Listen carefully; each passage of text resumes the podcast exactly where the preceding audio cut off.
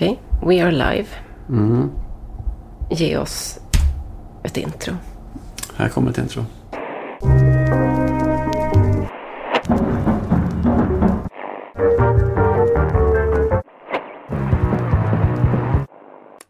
Jag gråter när jag läser sportsidorna. Jag blir så rörd.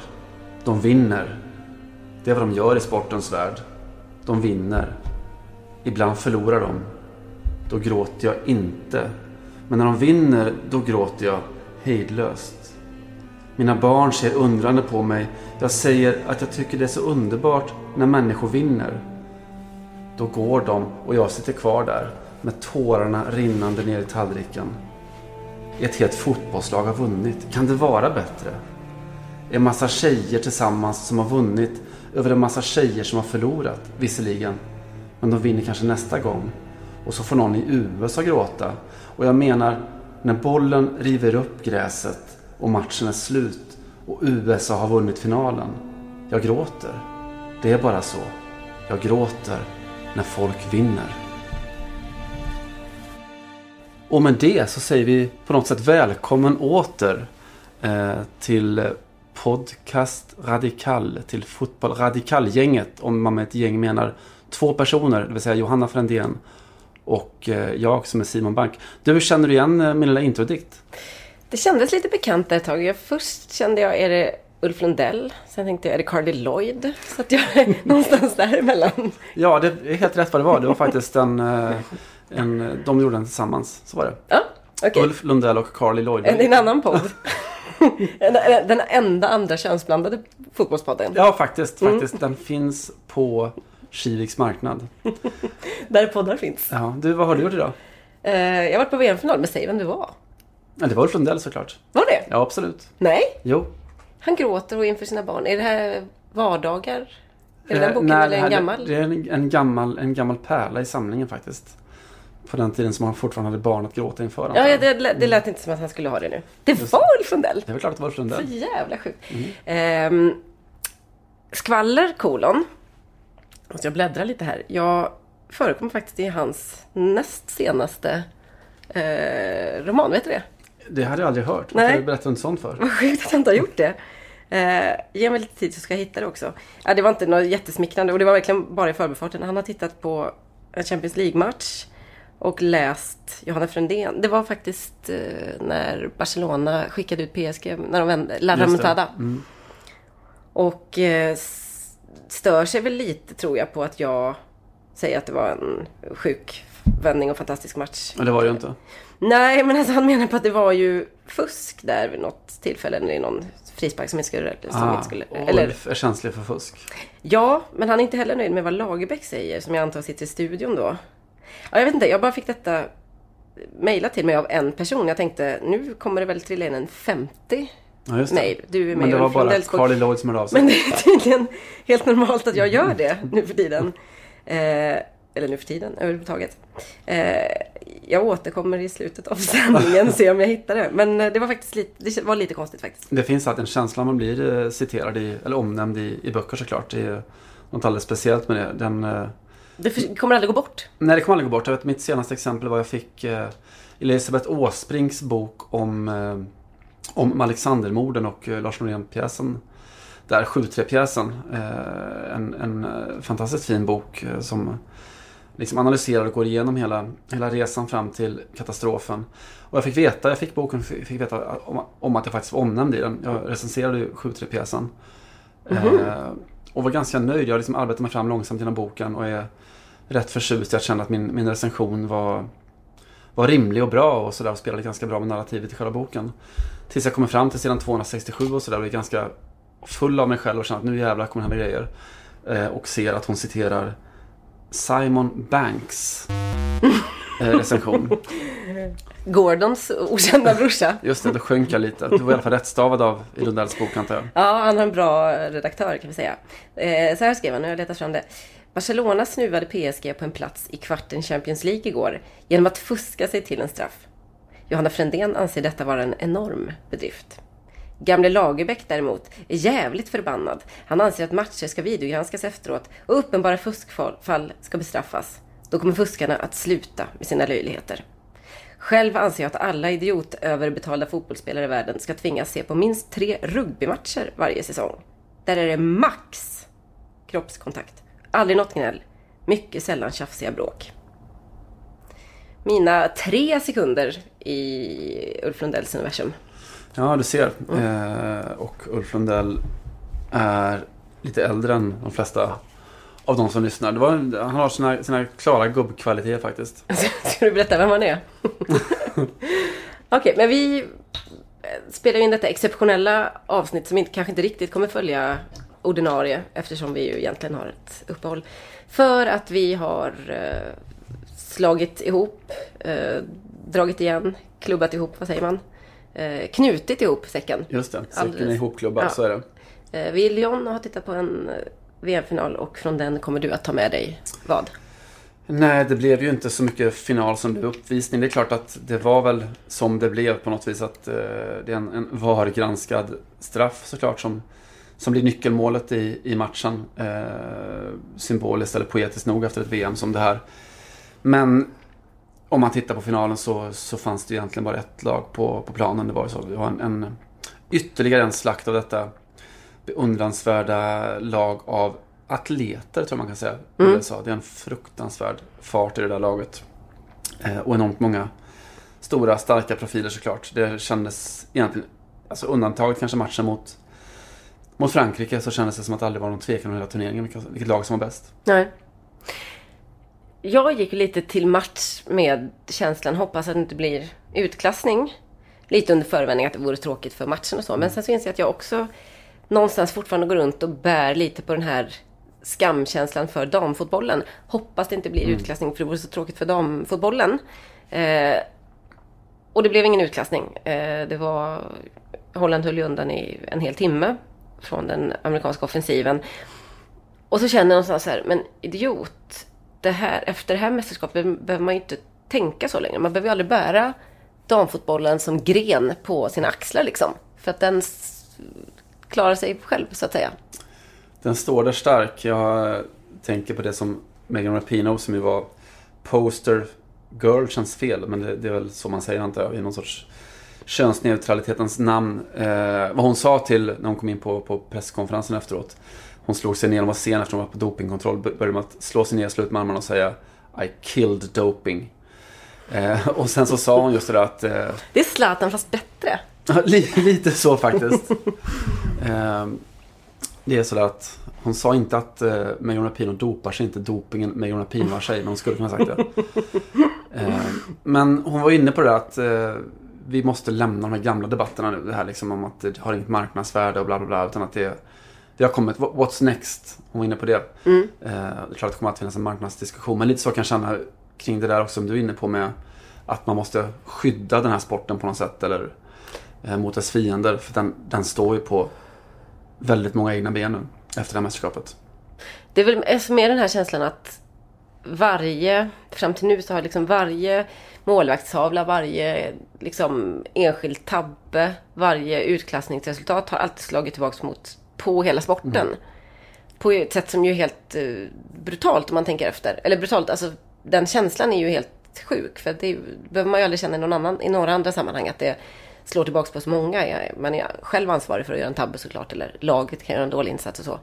Men eh, det det också var lite nostalgiskt att sitta där och tänka att eh, här gick jag och trodde att eh, det skulle bli en pinsamt ojämn final och att eh, folk skulle få vatten på sin kvarn. Det behöver man inte liksom... Nostalgiskt på så sätt att det var kanske sista gången man kände så. I Ja. will miss it!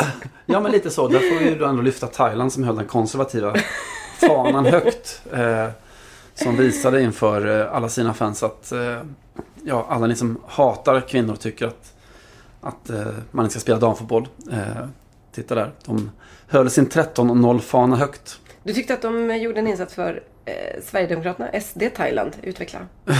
Ja, men just det. De åkte, åkte till VM och visade att damer inte spela fotboll. Ungefär så.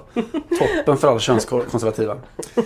Eh, det är min poäng. Eh, nej, men det var väl en... Eh, det blev den final som väl på något sätt var väntad ändå. Det var en, en utklassningsseger men bara med 2-0.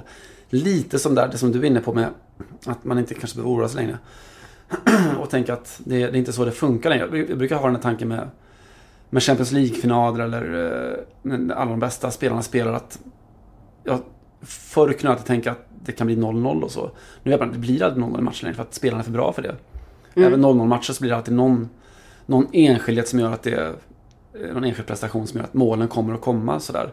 Så kan jag känna lite, lite här, här också. Att man behöver inte längre gå runt och tänka att eh, nu kommer det bli katastrofer eller, eller supersvaga insatser och så. Spelarna är för bra, lagen är för taktiskt slipade. Eh, inramningen är för stark och så. Enda gången man, jag har känt så, det var väldigt skönt i och för sig under VM, det var ju när Sverige mötte Kanada i åttondelsfinalen. Och Kanada jagade mål.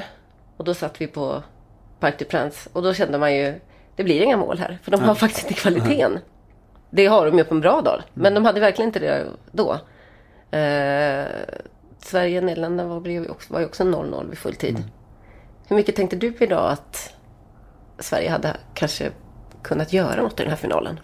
Är det en illusion? Eh, nej, jag tror inte att det är en illusion. Det var ju lite som, som snacket gick efter Sveriges semifinaler. När man hade sett båda, båda semifinalerna. Eh, showen, eh, den fantastiska matchen mellan USA och England med så hög kvalitet. Och sen det som var, antar jag för en neutral betraktare, ett sömnpiller när Sverige möter Nederländerna. Eh, och snacket då, man lyssnade på engelska kollegor och, och, och jänkarna och sådär var ju att det där var den moraliska finalen. Det var två lag som spelade en så oerhört mycket bättre fotboll än vad, än vad Holland och Sverige gjorde. Mm. Men så funkar inte fotboll. Varje match är sitt universum. Och om Sverige kan någonting så är det ju att, eh, att organisera sig, att vara defensiva och att hota med väldigt små medel. Så att de hade, jag tror inte att de haft chansen mot USA, men de hade säkert kunnat stabilisera matchen. Det tror jag. Mm. Um, tillbaks till Rapino som ju har varit huvudfigur från start egentligen den här turneringen. Och verkligen tog det hela vägen in i hamn. Det har varit mycket så amerikanska eh, sagor eller ansatser som verkligen har gått till hela vägen på något sätt. Det, det har Rose Lavelle som har varit lite litet utropstecken fick göra mål i finalen och Alex Morgan fick orsaka en straff i alla fall. Eh, Megan Rapinoe gör första målet. Eh, och sitter och säger att hon dödade dopingkontrollen och så. Eh, jag försöker så känna av dosen av hur trött man är på den här amerikanska historieskrivningen och hur uppfriskande det är. För att den är ju så ovanlig i fotbollen. Då menar jag herrfotbollen. Mm. Uh, och nu är jag kanske nere på 60-40 men jag tycker fortfarande att det mest är lite jobbigt med USA. Men jag vet inte om det handlar om uh, så här, dålig svensk eller europeisk avund. Eller om det är så att man, ja, att man känner sig lite hotad på sin egen plan. Här om du fattar vad jag menar. Det kan säkert vara, sen så finns ju hela tiden aspekten. Jag menar, jag var i, jag minns i Brasilien-VM på här sidan när, när USA gjorde succé och eh, det var liksom, eh, vad är det, George Washington, eller möjligen Benjamin Franklin citatet som de hade som, som sin slogan om att eh, det bästa sättet att förutspå, framt, förutspå framtiden är att, att skapa framtiden. Mm. Eh, och man satt och man älskade det amerikanska laget som var så frejdigt och utmanande övermakten och så. Eh, och publiken som, som har liksom rest ner från USA och står och skriker sitt eh, USA, USA och I believe that we will win och allt vad det är. Och man tyckte det var charmigt och härligt, men det gjorde man för att det var ett underdog-perspektiv. Mm. Och man hade den totala ofrånkomliga känslan av att Gud vad vi kommer hata dem när de vinner. Mm. Uh, och det finns, alltså man, har ju, man, har, man är tvetydig till, eller tvehågsen eller vad det nu heter. Inför det här amerikanska laget också. Ambivalent är precis vad man är. Polyvalent. Mm. Är, man, är man i sin ambivalens. eh, att det finns jättemycket att tycka om med Högskolepoängfnisset. Eller högskole, högskoleprovfnisset. Det ska inte underskattas. Orddelen. Vad hade du på orddelen?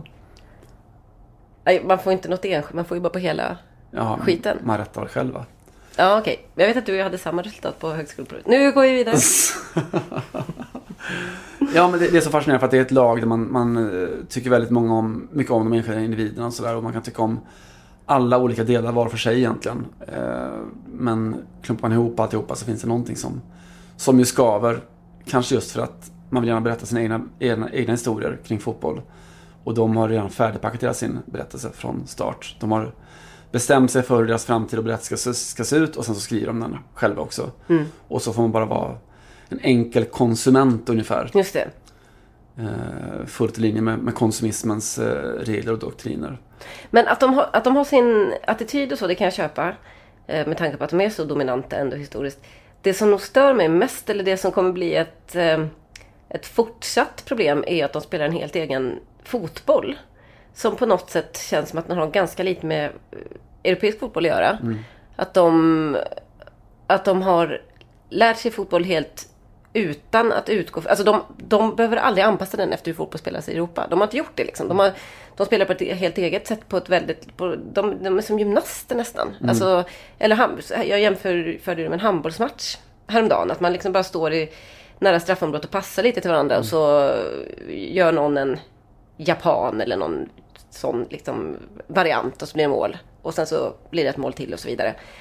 Men också att man känner att det finns inte... Ett amerikanskt herrlandslag i fotboll kommer ju ändå alltid ha eh, sträva efter att bli liksom mer och mer lyckosamt och framgångsrikt genom att apa efter den europeiska varianten. Och här är det inte så. Eh, är Europa redo att apa efter USA undrar jag? Man har ju svårt att se det någonstans. Det finns någon sorts stolthet i den europeiska modellen. Men jag, jag köper ju Spanien helt och fullt. Alltså det, är, det här med att eh, det kommer redan i första matchen. Däremot är det då tappert eh, eh, flaggviftande thailändska laget. Eh, redan där så visar de att någon sorts brist på respekt för en europeisk kultur. De gör 13-0 mm. och så firar de och får kritik för att de firar sina 12 och 13 och 0 mål så, så oerhört expressivt. Och, och kanske också att de, att de, gör, de leder med vad, vad, fem eller fyra eller 4-0 i halvlek och sen mm. Nej, 5-0 kanske. Men de gör ju fler mål i andra halvlek liksom. Ja.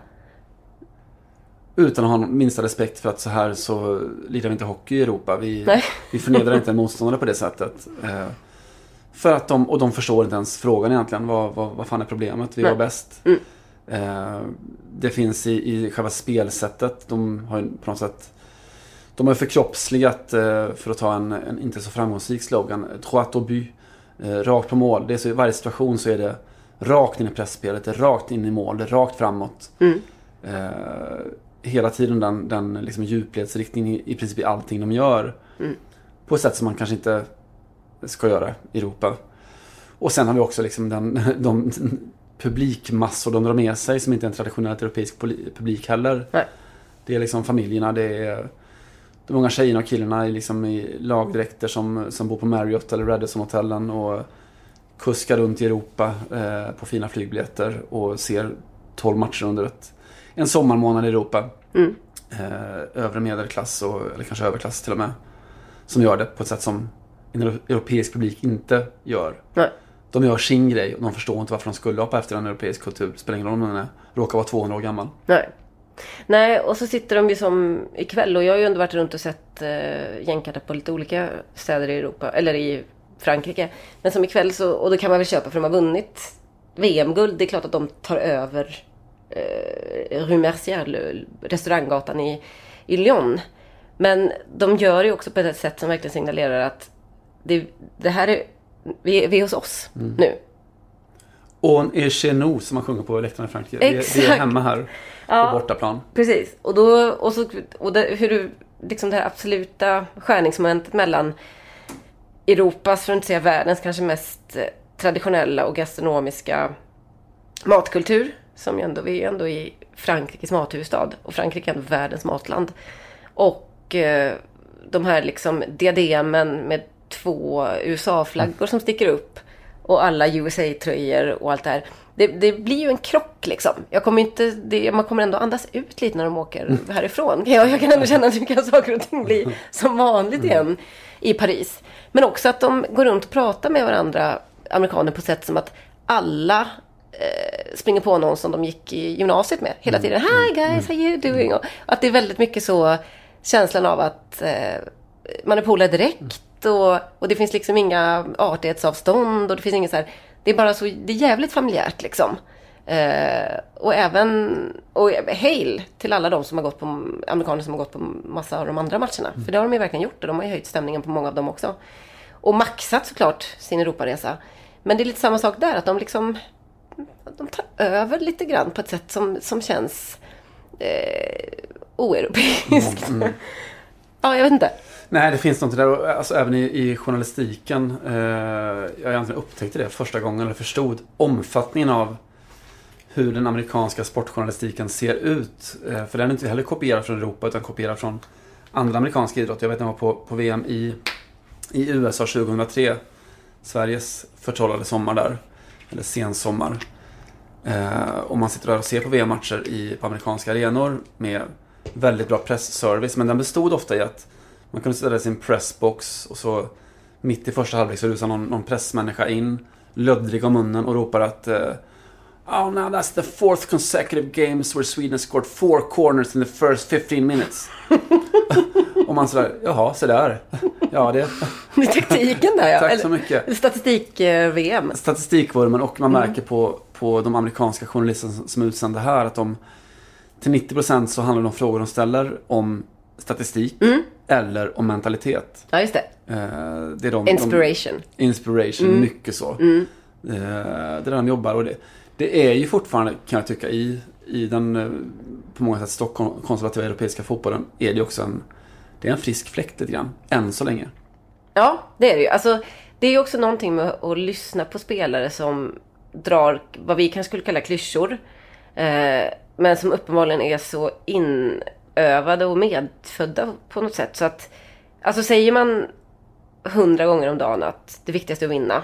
Eh, vi har bara kommit till Europa för att vinna. Och det, här, och då, det är klart att man gör det till slut då. Eh, du har ju aldrig någon...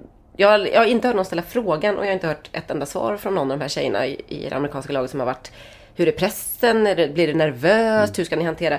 Utan det, efter matchen idag till exempel så pratade jag med Alex Morgan som jag har haft förmånen, får man väl säga, att eh, prata med i mixade zoner såklart. Så det är inte något eh, liksom... Ingen eh, fika. Nej, det är ingen En fika. Men hon är liksom lyhörd och lyssnar och svarar väldigt, eh, väldigt eh, liksom noggrant skulle jag säga på frågorna.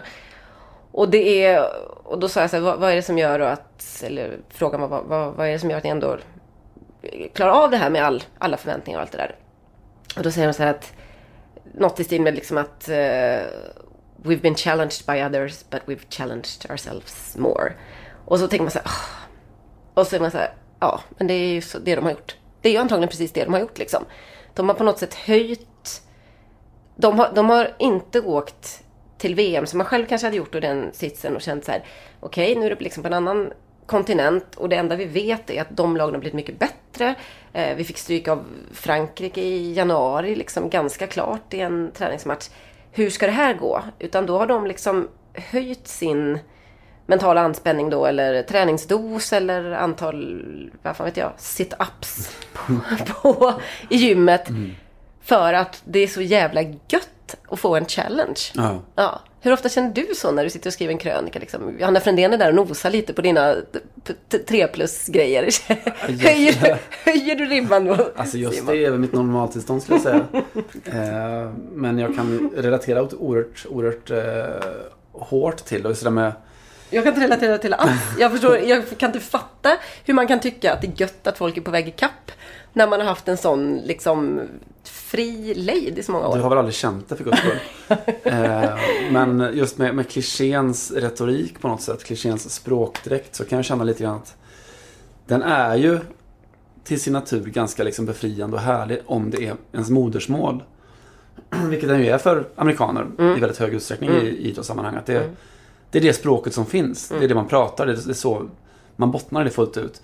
När Phil Neville pratar om att, eh, att en bronsmatch är en nonsensmatch och att det är bara vinsten och guldet som räknas. Mot då bakgrunden att eh, England har vunnit. Hur många VM-guld nu igen i fotboll?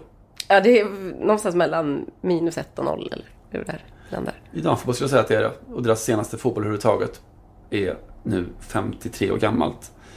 Och de tar inte speciellt många medaljer heller och har aldrig vunnit en medalj, eh, eller vunnit en medalj i dam-VM, damfotbolls-VM förut. Då kan man tycka att de kanske inte riktigt bottnar i den, den hållningen. Eh, och då, då skorrar det och då skaver det och då blir det ett problem. Jänkarna bottnar fullt ut i, i det.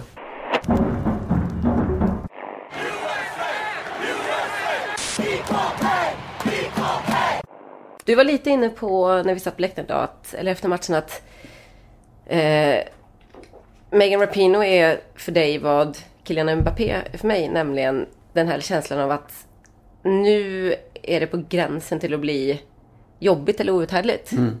Eh, hon klarar, klarar hon det med den här doping... Eh?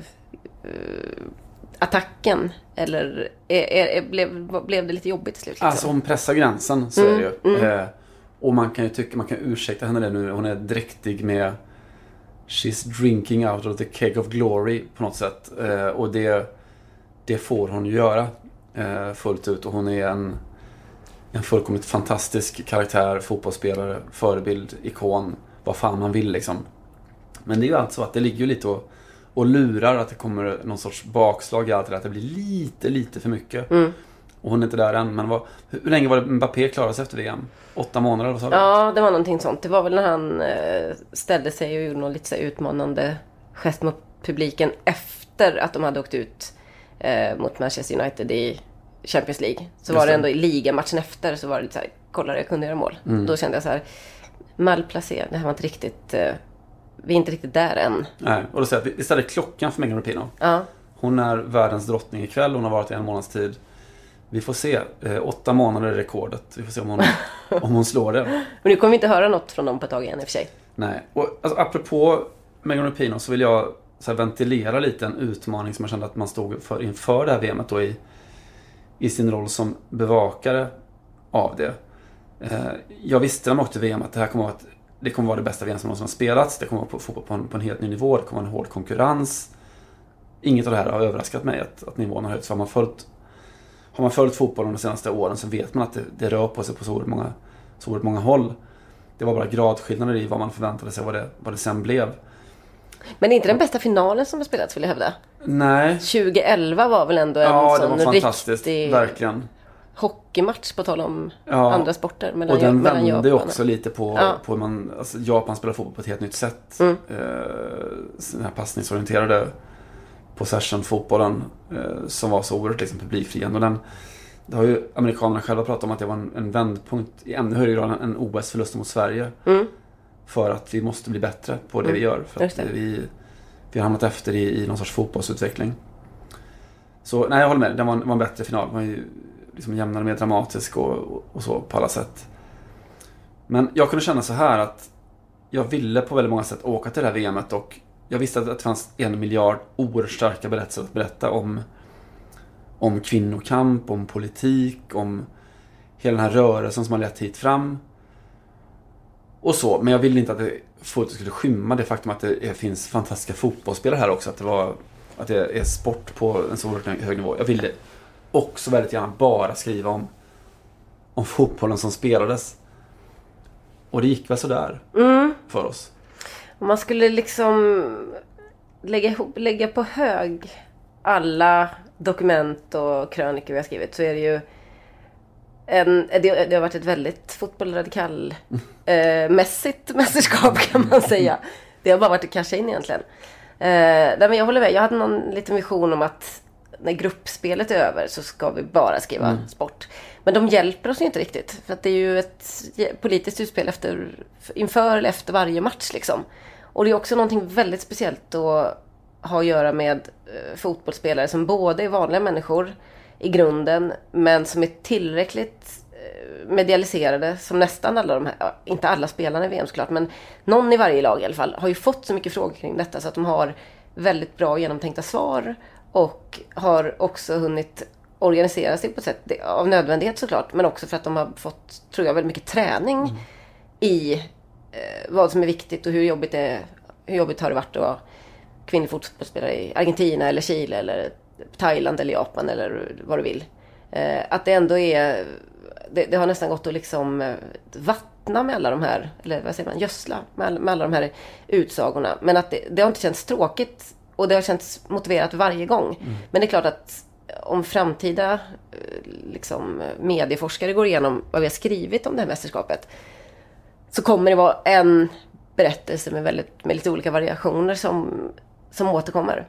Och då är frågan, ska man banta ner på det och låtsas som att det inte finns? Jag tror inte att det var möjligt helt enkelt. Jag tror att det verkligen är så för just som du som du säger att det är inte det är inte vi som berättar om dem utan det är, det är deras egna berättelser. De är så oerhört medvetna i vad som har hänt och Jag tror att man kan liksom dra raka paralleller med, säg, det som kulminerar med metoo till exempel. Med eh, att kvinnor världen över förstår att de sitter på någon slags vapen, att de har en analys färdig och att, de, att det fan är mig nog.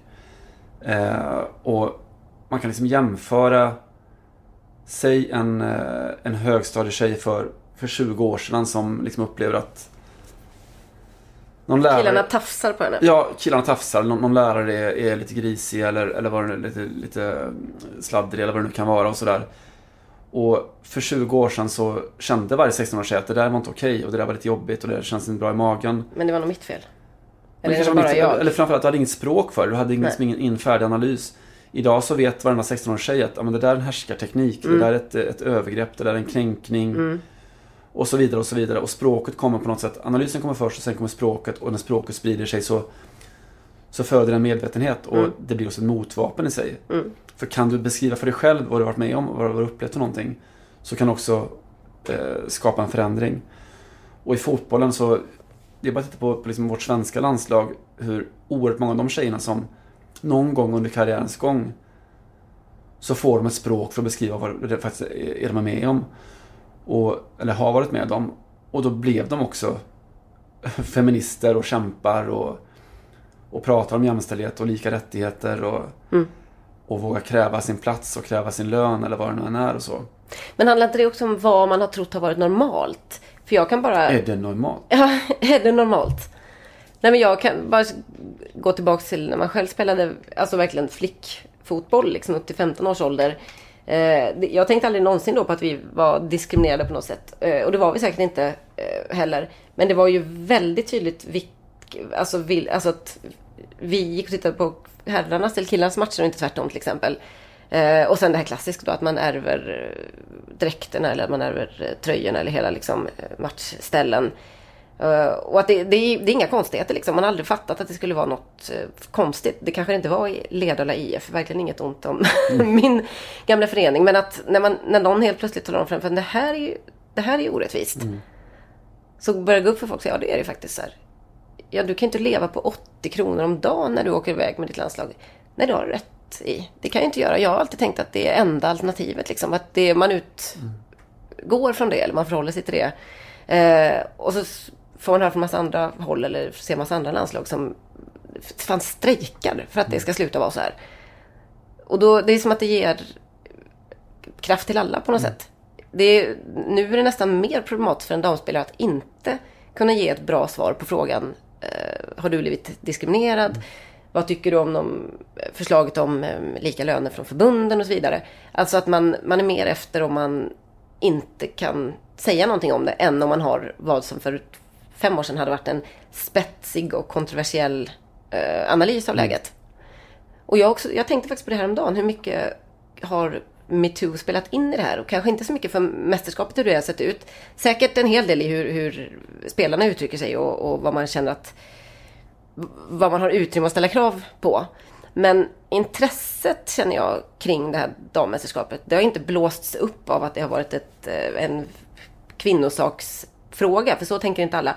Men jag är ganska säker på att eh, många av dem som tidigare har sett ner på damfotboll och inte haft några problem med att uttrycka det har blivit antingen lite försiktigare eller stumnat helt liksom. För man börjar fatta med alla de här historierna och med allt som man har hört från, helt plötsligt från alla kvinnor i ens närhet de senaste två åren då. Att vad fan, jag är kanske en del i någonting här. Jag kanske har beteenden och utsagor i min vardag som är eh, som inte jag tänker så mycket på som är självklara. För att det säger mina polare och så som min pappa och så. Men att det är inte så soft. Eh, och därför har det blivit extremt, skulle jag säga, lite hat mm. mot spelarna i det här VMet. Jag har knappt sett någonting. Jag har inte fått några mejl. Alltså det som man alltid får annars. Det, ja, de kan ingenting. De är, liksom, det, det är bara så dåliga eh, flator eller fula liksom manhaftiga hit och dit och så. Och nu har det varit eh, i princip helt tyst. Och jag menar den tystnaden eh, kan ju inte bara ha att göra med att det har gått bra för Sverige till exempel. För jag menar, det har inte gått bra för alla lag mm. om du förstår vad jag menar. Eh, det är som att det har varit väldigt lite, vad jag har hört i alla fall från spelarnas sida, attacker på sociala medier och, och allt det där. Eh, tror, tror du att det kan finnas en jag tror koppling? att det finns absolut en, en koppling där. Att det blir det blivit så uppenbart för alla, tror jag. Och eh, alltså den invändningen som jag kan ha stött på, och det är verkligen inget tungt empiriskt underlag, utan källa är väl någon sorts mailbox och sådär. Det är väl den klassiska den som man får på herrsidan också ganska ofta, att man slutar blanda in politik i det här. Mm. Men hela den frågeställningen är ju så, så oerhört felformulerad. För att om det här VMet har visat någonting så är det att det är politiken som kommer först. Mm. Alltså alla lagen som vi ser som är liksom lite charmade och imponerade av. Säg ett eh, Chile, eller säg ett Argentina, säg Italien. Säg USA för all del. Säg eh, men de här stora europeiska, säg Nederländerna. Säg Nederländerna. Mm. Så har först någon sorts politiska beslut kommit och sen har framgångarna kommit efter det. Sen har de kunnat visa vilken potential de besitter. Alltså även om de ska förklara liksom USAs, varför USA är bäst i världen så är det många som liksom har forskat eller undersökt det här i USA som pratar om en, en lagändring eh, 1972 när man eh, klubbade igenom att det var förbjudet att diskriminera inom skolidrotten. Just det. Eh, vilket gjorde att du fick då, alltså ett universitet eller en high school kunde inte liksom, de var tvungna att erbjuda möjligheter även för, för flickor och unga kvinnor att, att idrotta på samma sätt som, som killarna kunde tidigare. Vilket gjorde att eh, den amerikanska idrotten på kvinnosidan exploderade. Mm. Eh, och ja, men alla de här, att det, kom, att det har kommit satsningar, politiskt initierade satsningar i Argentina med en, en hel kvinnorörelse, en bred kvinnorörelse. Där man liksom tar strid för, för aborträtten eller för jämställdhet på arbetsmarknaden eller Mot mord och misshandel av kvinnor och sånt där. allt det där. Mm. Eh, som spelarna själva också pekar på. Att det har liksom en, dels skapat någon slags självförtroende och också skapat en, eh, att de har lite, lite ammunition i, i sin strid för sin rätt att spela fotboll och få i alla fall hyfsade möjligheter. Mm. Och att man har landat där att det, att det är mer liksom kontroversiellt kanske för en för Leo Messi att inte skicka ut på sitt Instagram eller Twitter att eh, nu är det dags att stötta damlandslaget än motsatsen. Mm. Eh, så det... Ja, politiken först, fotbollen kom sen. Och det är fullkomligt, fullkomligt omöjligt att, att inte blanda ihop det. Hey, I'm Ryan Reynolds. At Mint Mobile, we like to do the opposite of what Big Wireless does. They charge you a lot, we charge you a little. So naturally, when they announced they'd be raising their prices due to inflation, we decided to deflate our prices due to not hating you. That's right. We're cutting the price of Mint Unlimited from $30 a month to just $15 a month. Give it a try at mintmobile.com slash switch. $45 upfront for three months plus taxes and fees. Promo rate for new customers for limited time. Unlimited more than 40 gigabytes per month. Slows. Full terms at mintmobile.com. Футбольный радикал. Okej, ska vi uh, lyfta några höjdpunkter under eh, uh, VM? Jag har egentligen bara... Jag tror aldrig jag har haft så få besvikelser med mig ut ur ett VM. Uh, eh, men det som hänger kvar lite grann för min del är Frankrike ändå. Besvikelsen att de åkte ut såklart mot USA. Och, inte att USA blev kvar, för det var väl någonstans bra. Men då, där, dels var ju rädslan lite att nu kommer hela mästerskapet dö lite grann på hemmaplan. Alltså det kommer inte vara något drag på matcherna. Det visade sig inte riktigt stämma. Men också den här känslan för att jag bor och verkar i Frankrike. Att eh, ja, men nu kanske inte... Nu kommer inte hypen hålla i sig och så.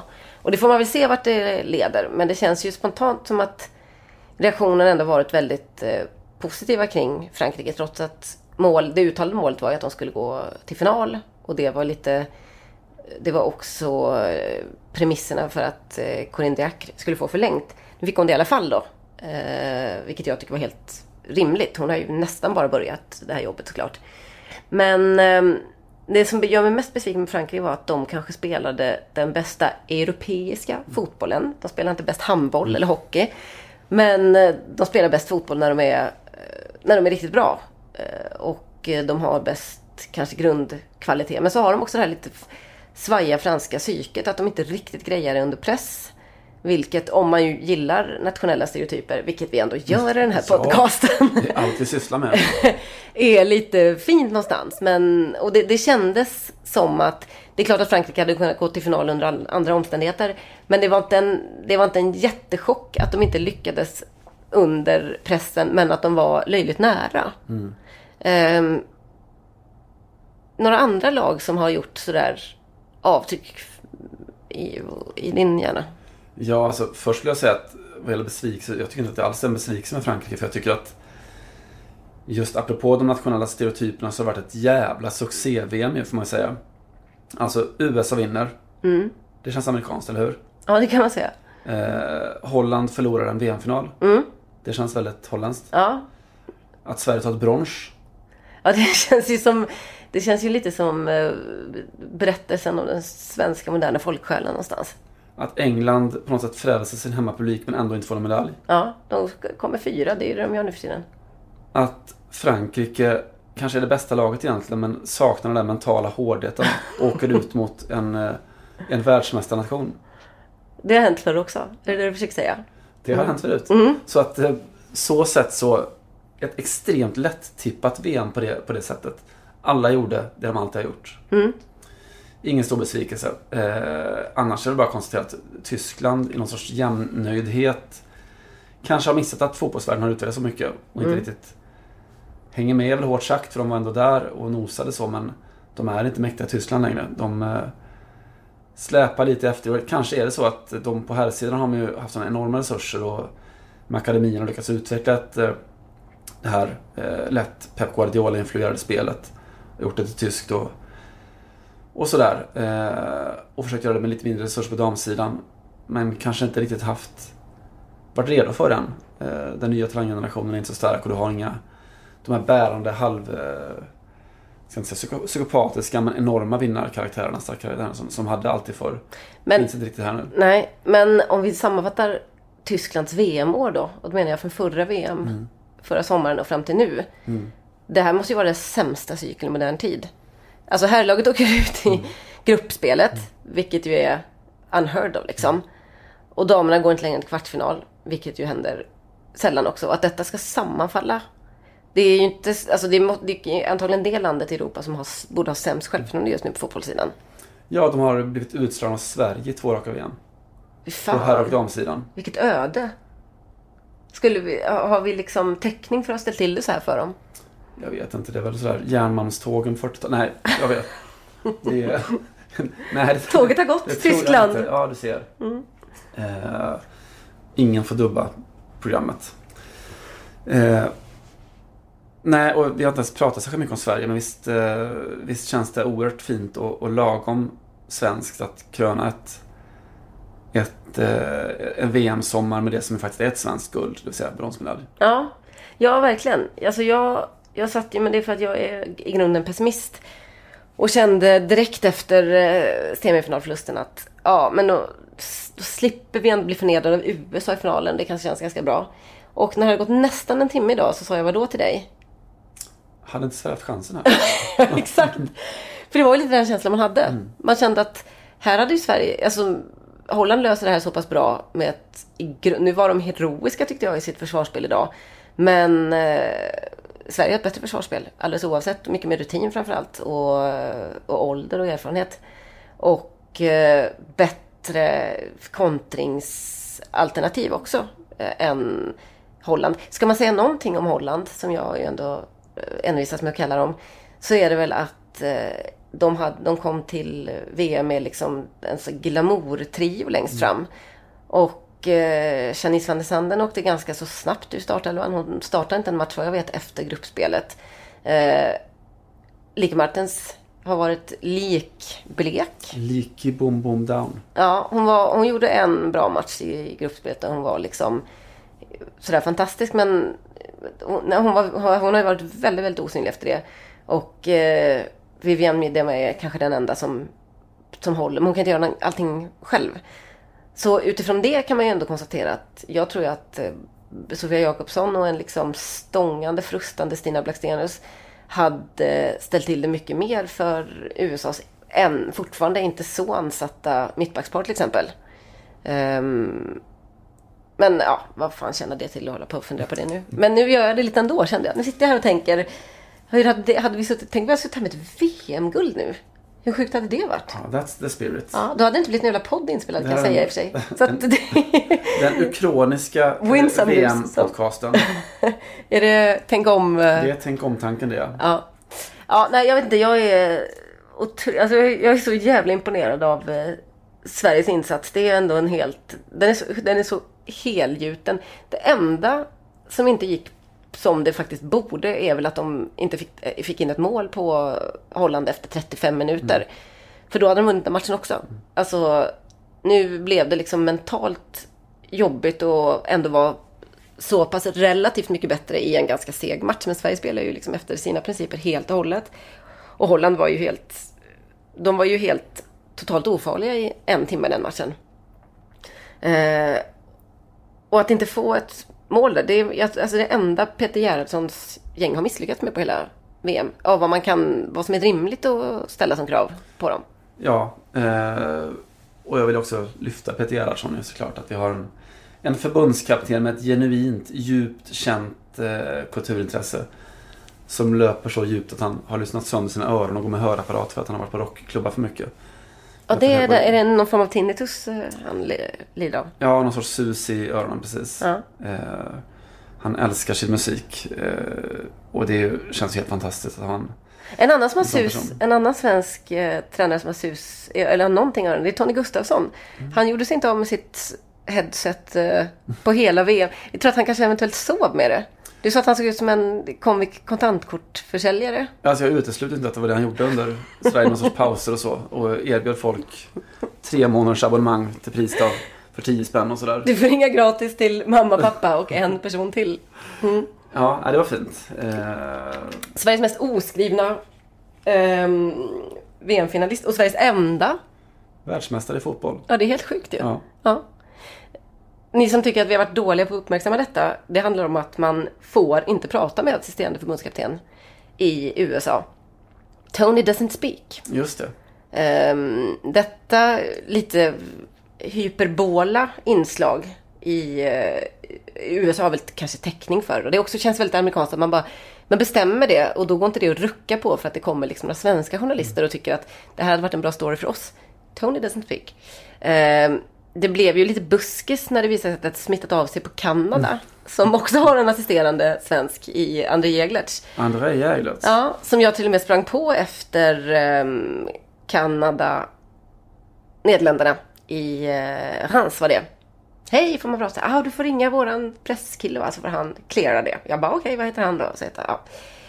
Skitsamma, han hette så och så och eh, ringde honom och eh, han på telefonsvararen sa han att eh, hej, kan inte ta den här samtalet just nu, jag är ute på resa. Jag tänkte, ja, I know that. I know you are, Scott.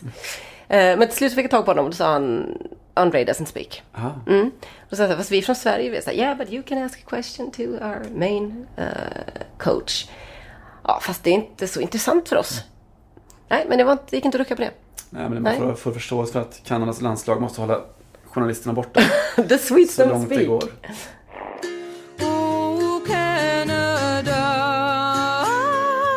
Ja, och då lite innan vi på något sätt kanske ska runda av en VM-sommar så får man också fundera lite framåt. Liksom, vad, var ska vi ta vägen nu någonstans? Och jag tycker ur ett, ett svenskt perspektiv så... Jag åkte i alla fall hit lite och tänkte att men nu framtiden har sprungit ifrån Sverige. Vi har ett ålderstiget, åldrande lag med nyckelspelare som kanske inte borde vara nyckelspelare egentligen längre 2019. Caroline Seger, Nilla Fischer och Ja, eh, främst de två kanske. Men som... Hedvig Lindahl någonstans också. Ja, kanske. Hedvig kände sig fortfarande som en, som en världsmålvakt kanske. Mm. Jag hade en känsla av att det här kanske är VM när Caroline Seger och Nilla Fischer blev lite avslöjade. Mm. Det blev de ju inte och det dansar vi ju i, i på gatorna, vi hoppar i fontänerna för. Men det är ju ingen, det är inget som ger någon sorts trygghet inför de kommande åren så. Utan det måste komma, det måste komma nytt och det måste komma ungt. Det är ju kanske framförallt Stina Blackstenius som lite får bära det hoppet nu. Som jag tog något steg upp här i, i någon sorts världshierarki och visar att hon med självförtroende och tydliga ramar är en, en spelare som kan prestera på världsnivå. Mm. Men det behövs mer och eh, att få fram det i en fotbollsvärld där allt fler stora nationer satsar väldigt mycket hårdare, har en väldigt mycket bredare talangbank. Eh, Vi pratade om det lite grann förut här på väg in i studion. eh, Om hur Spaniens ungdomslandslag som alltså är det senaste året i princip har tagit ett VM-guld, två VM-guld, eh, nej förlåt, två EM-guld, ett VM-guld och ett VM-silver för då U17 och U20 spelare på damsidan. Det är alltså Spanien som inte alls är någon, någon stormakt på på seniorsidan än. Och så går de så här långt och pressar USA i ett VM-slutspel på seniorsidan. Det händer saker där ute och det kommer. You better start swimming or you'll sink like a stone. Som någon sa. Mm. P.S. Undhage Just det. var det väl? Ja, precis. Men det är också då Alex Morgan rises to the challenge. Du får inte glömma. Just det. Sant. Eh, jag tror att en annan liten lätt framtidsspaning är att eh, det har ställts så oerhört hårda krav på de som då är förebilder och fanbärare för, för damfotbollen. Eh, att man ska vara eh, ja, så fantastiskt clean och förebild och ja, politiskt engagerad och allt, allt vad det är. Eh, nu har vi fått ett VM som jag tror kommer vara då i någon sorts historiskt perspektiv framöver som man kommer se som en epokgörande och som något som rev barriärer. Du brukar ju vara lite emot det här att det finns historiska ögonblick. Du säger att det inte finns några i fotbollen längre. Menar du att detta ändå är ett sånt? Ja, det tror jag. För det är en, som en större historisk rörelse. Det handlar mer om enskilda lag och sånt tror jag. Mm. Då tror jag att historien går så mycket, den går alldeles för snabbt liksom. Det här är ju ett... Eh, Det är för hela sporten liksom. ja, jag tror att man, man har kommit förbi alltså en punkt som man inte kan återvända ifrån på något Nej. vis. Det kommer ofrånkomligen bli så. Om 20 år så kommer damfotbollen vara ännu mycket större. Och vi kommer med all säkerhet kanske följa Champions League eh, på damsidan också. Och följa liksom internationella ligorna. Och, men av stort intresse och de stora klubbarna kommer fortsätta satsa väldigt, väldigt hårt. Eller fortsätta, de kommer börja satsa väldigt, väldigt hårt på. Mm. Även på, på kvinnosidan. Det jag tror vi kanske kommer kunna få se och då vänder jag mot eh, den vanliga historien. Jag tänker typ på det som hände i, i Tyskland eller i Berlin när Berlinmuren föll. Mm. Eh, och du får in liksom 100 000 tyska bögar från, från DDR. Nej, det Som- finns inga bögar på den sidan. Men okej. Det fanns inte men sen kom de till väst och, och blev kanske. Nej, och det blir liksom lite Sodom och Gomorra och man lever ut allt det där som man inte har kunnat leva ut tidigare. Mm, just det. Också så Eh. det som, hände, det som formade Barcelona efter eh, fascismens fall. Precis, och även Madrid va? La, Ja, La de- Movida. Ja, det var bara så här, nu... Vi har levt i liksom en fascistisk diktatur där kvinnan tillhört mannen och äktenskapet har varit eh, sanktionerat av Gud.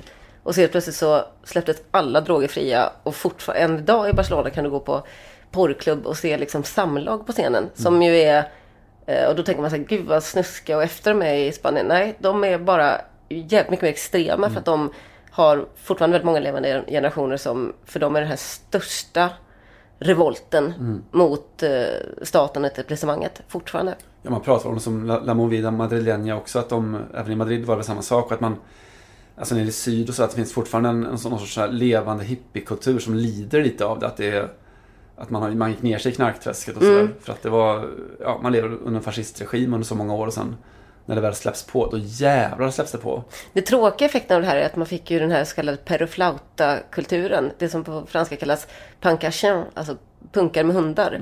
Eh, den enda liksom, ehm, vad ska man säga, eh, subkulturen som inte finns i Sverige.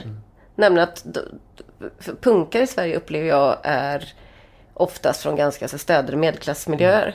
Men här är det ju verkligen punkare, chefer och seriösa heroinproblem. Eh, de är väldigt många i Barcelona. Det är en tråkig estetisk eh, utveckling av det hela. Men det kanske, det kanske var ett pris man var beredd att betala. Ja, kombinationen är ett av tre kan man bära. Så har du antingen heroinproblem eller chefer eller punkfrisyr. Det, det, kan, man liksom fixa. Har man två av tre så börjar det bli lite jobbigt. Har du alla tre så då är du illa ute på riktigt. Ja.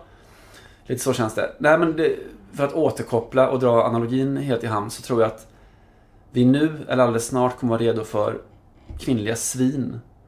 Kvinnliga stora extroverta superpersonligheter som alltså inte bara är genuina förebilder utan som också tar plats, öser på, är divor eh, och så vidare. När man väl får vara det så tror jag att det kommer slå i Drick- taket. Dricka öl, kasta pil, ut ur EU. De tjejerna. Precis de tjejerna. Ja. Ja, nej men de kan väl komma. Jag- Ska vi nämna, om jag bara tänker på top of mind så tror jag att eh, Nederländernas målvakt eh, Sarri van Wendel, Wendelen, ja, Vendal. ja Vendal, den. Eh, ligger bra till där. Eh, Hon har det. sp- samspråkat lite med henne. Jag är ju nämligen också Sportbladets eh, holländska expert eftersom jag har rest runt och gjort dem på flera olika orter. Och eh, frågade hon vad hon kunde säga om Sverige, eh, framtida eventuell motståndare då i eh, semifinal. Eh, hon visste ingenting om Sverige, men hon hade typ hört att man hade en bra målvakt. Kände att det där är en sån djup psykning. Och det är så fruktansvärt arrogant svar på eh, en journal- Alla andra var ju, lika Martens var ju liksom, hon ville ju, hon visste ju såklart mycket om, hon har ju spelat med många av de här svenskarna, men eh, känslan av att eh, du är så före den här matchen att du börjar psyka ut dem via en svensk journalist.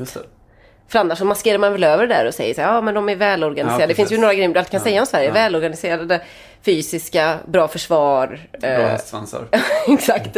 Men det, det var inte hon. Så det, det skulle jag kunna tänka mig, det kan bli en riktig röv i framtiden att bevaka. Vi kommer få många sådana tror jag. Ja, eh, vilka har vi med då? Nu känner jag bara så här, Alex Greenwood i England. alltså, hon skulle kunna bli den här första som, och, alltså som blir, alltså någon form av Neymar, alltså och, och, och eh, hänger jättemycket på Ibiza och eh, har liksom, kommer hem med så här 15 pressskandaler. Just det. Ja, jag går bara på hennes lösenkonferenser nu när jag, vet inte, hon kanske lever ett väldigt eh, eh, liv. Jag tycker att jag har väl dömt människor för med tyng- eller lättare bevisningar på lösenkonferenser förut. Så att det, jag köper det. Ja, men de här Lo- Love, du vet att hela Englands och hela Skottlands landslag ha- hade ju med sig någon hemmabio så att de skulle kunna gå på Love Island Mm. under VM. Det är fan det bästa motgiftet mot alla de här PK-brudarna som vi har haft att göra med dag ut och Exakt, dag in. det kommer komma motrörelse i alla fall. Jag är tämligen säker på. Och då kommer de åka till Ibiza och svina i ett hus. Ja, fy fan vad jag längtar efter det. Mm. Ge mig adressen.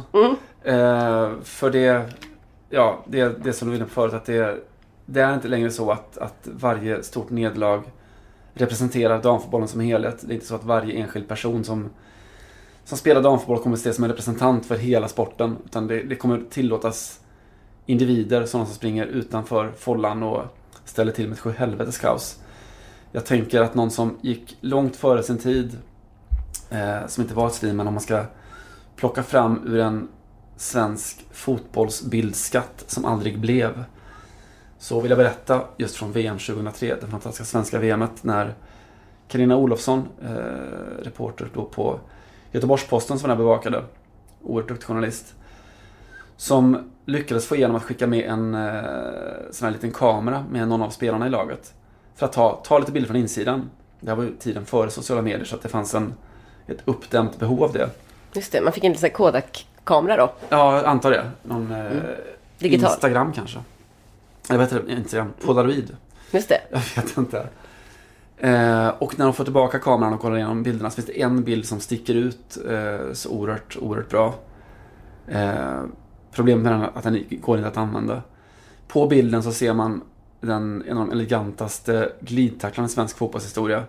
Den väldigt värna och stenhårda Jane Törnqvist, mittbacken. Som då efter någon segermatch där eh, sitter i omklädningsrummet, lutar sig tillbaka på, på bänken, eh, har just stoppat in en stor, stor snus och ger långfingret mot kameran med ett leende.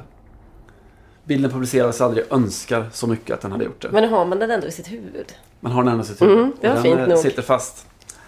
Eh, tiden är mogen för Jane Törnqvist-bilder, är vad jag vill ha sagt. Just det. Men det som också kommer komma är också, det, det är roligt om det kommer några Paul typer såklart på damsidan.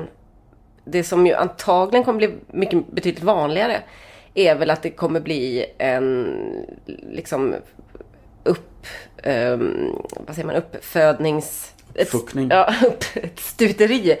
Äggkläckningsmaskin som du brukar säga. Av extremt skyddade och rätt meningslösa eh, och totalt oartikulerade fotbollsidioter. Oh ja. Eh, där de kanske inte kommer ha någonting att säga och där vi kanske, säger i alla fall om 15 år, kommer ha de första damproffsen som liksom inte har betalat en räkning när de går i pension, inte har någon koll på sin ekonomi, aldrig har liksom behövt styra upp med ett med ett boende, alltså alla de där grejerna som man hela tiden hör från herrsidan som gör att de herrfotbollsspelare, eller i alla fall de stora proffsen oftast är barn mentalt. Liksom alla är någon form av Geo Waldner-typer i så här Peter Pan-människor. Eh, det, är väl, det, det kan man väl tänka sig nu för nu är det ganska Petra många. Pan. Petra Pan, precis. För det är rätt många av de här nu tjejerna som kommer skriva sina första proffskontrakt när de är ja, 18 då, 17, 18, 19 någonting.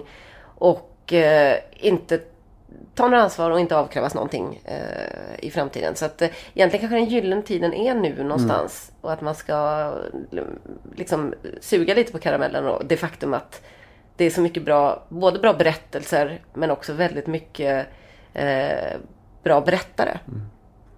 Ja, alldeles snart. Vi lever i paradiset och snart är förlorat. Mm. Eh, det är väl en passande slutvinjett för ett fotbolls-VM, inte det? Jo, det tycker jag absolut. Det bästa någonsin. Ja. Eh, vi har inga kulturtips och profiler heller. Får jag kasta in eh, granen som Kasta in profil? dem som kulturtips. Ja, precis. Eh, Andreas Granqvist har ju alltså under då hela VM kom det fram, och det här har ni kanske läst om ni läser sportbladet.se. Eh, uppdaterat sig och skickat uppmuntrande sms och kommunicerat med Caroline Seger som förutom att vara hans homolog, det vill säga eh, lagkapten, precis som han, för damlandslaget, också är hans gamla klasskamrat. Eh, vi konstaterade då, Simon, när vi åkte hem från matchen att vi har inte riktigt, det har inte riktigt fått den uppmärksamhet det förtjänar.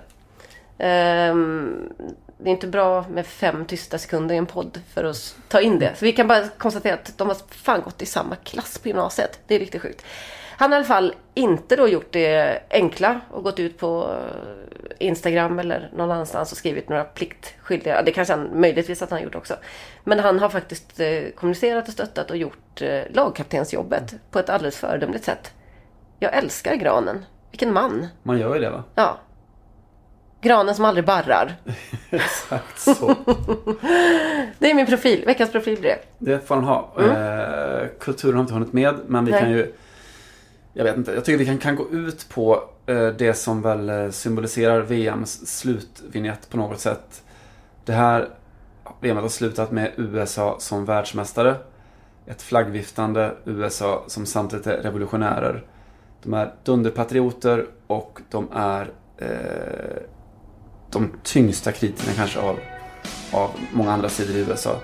Så vi kan väl gå ut lite grann med ett par takter i alla fall ur en, eh, den mest kända låten då, som är eh, ett patriotiskt anthem, men egentligen såklart en oerhört sträng kritik av det som USA blev.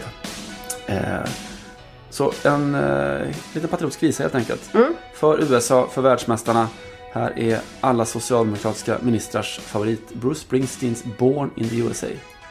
Tack för VM! Hej då!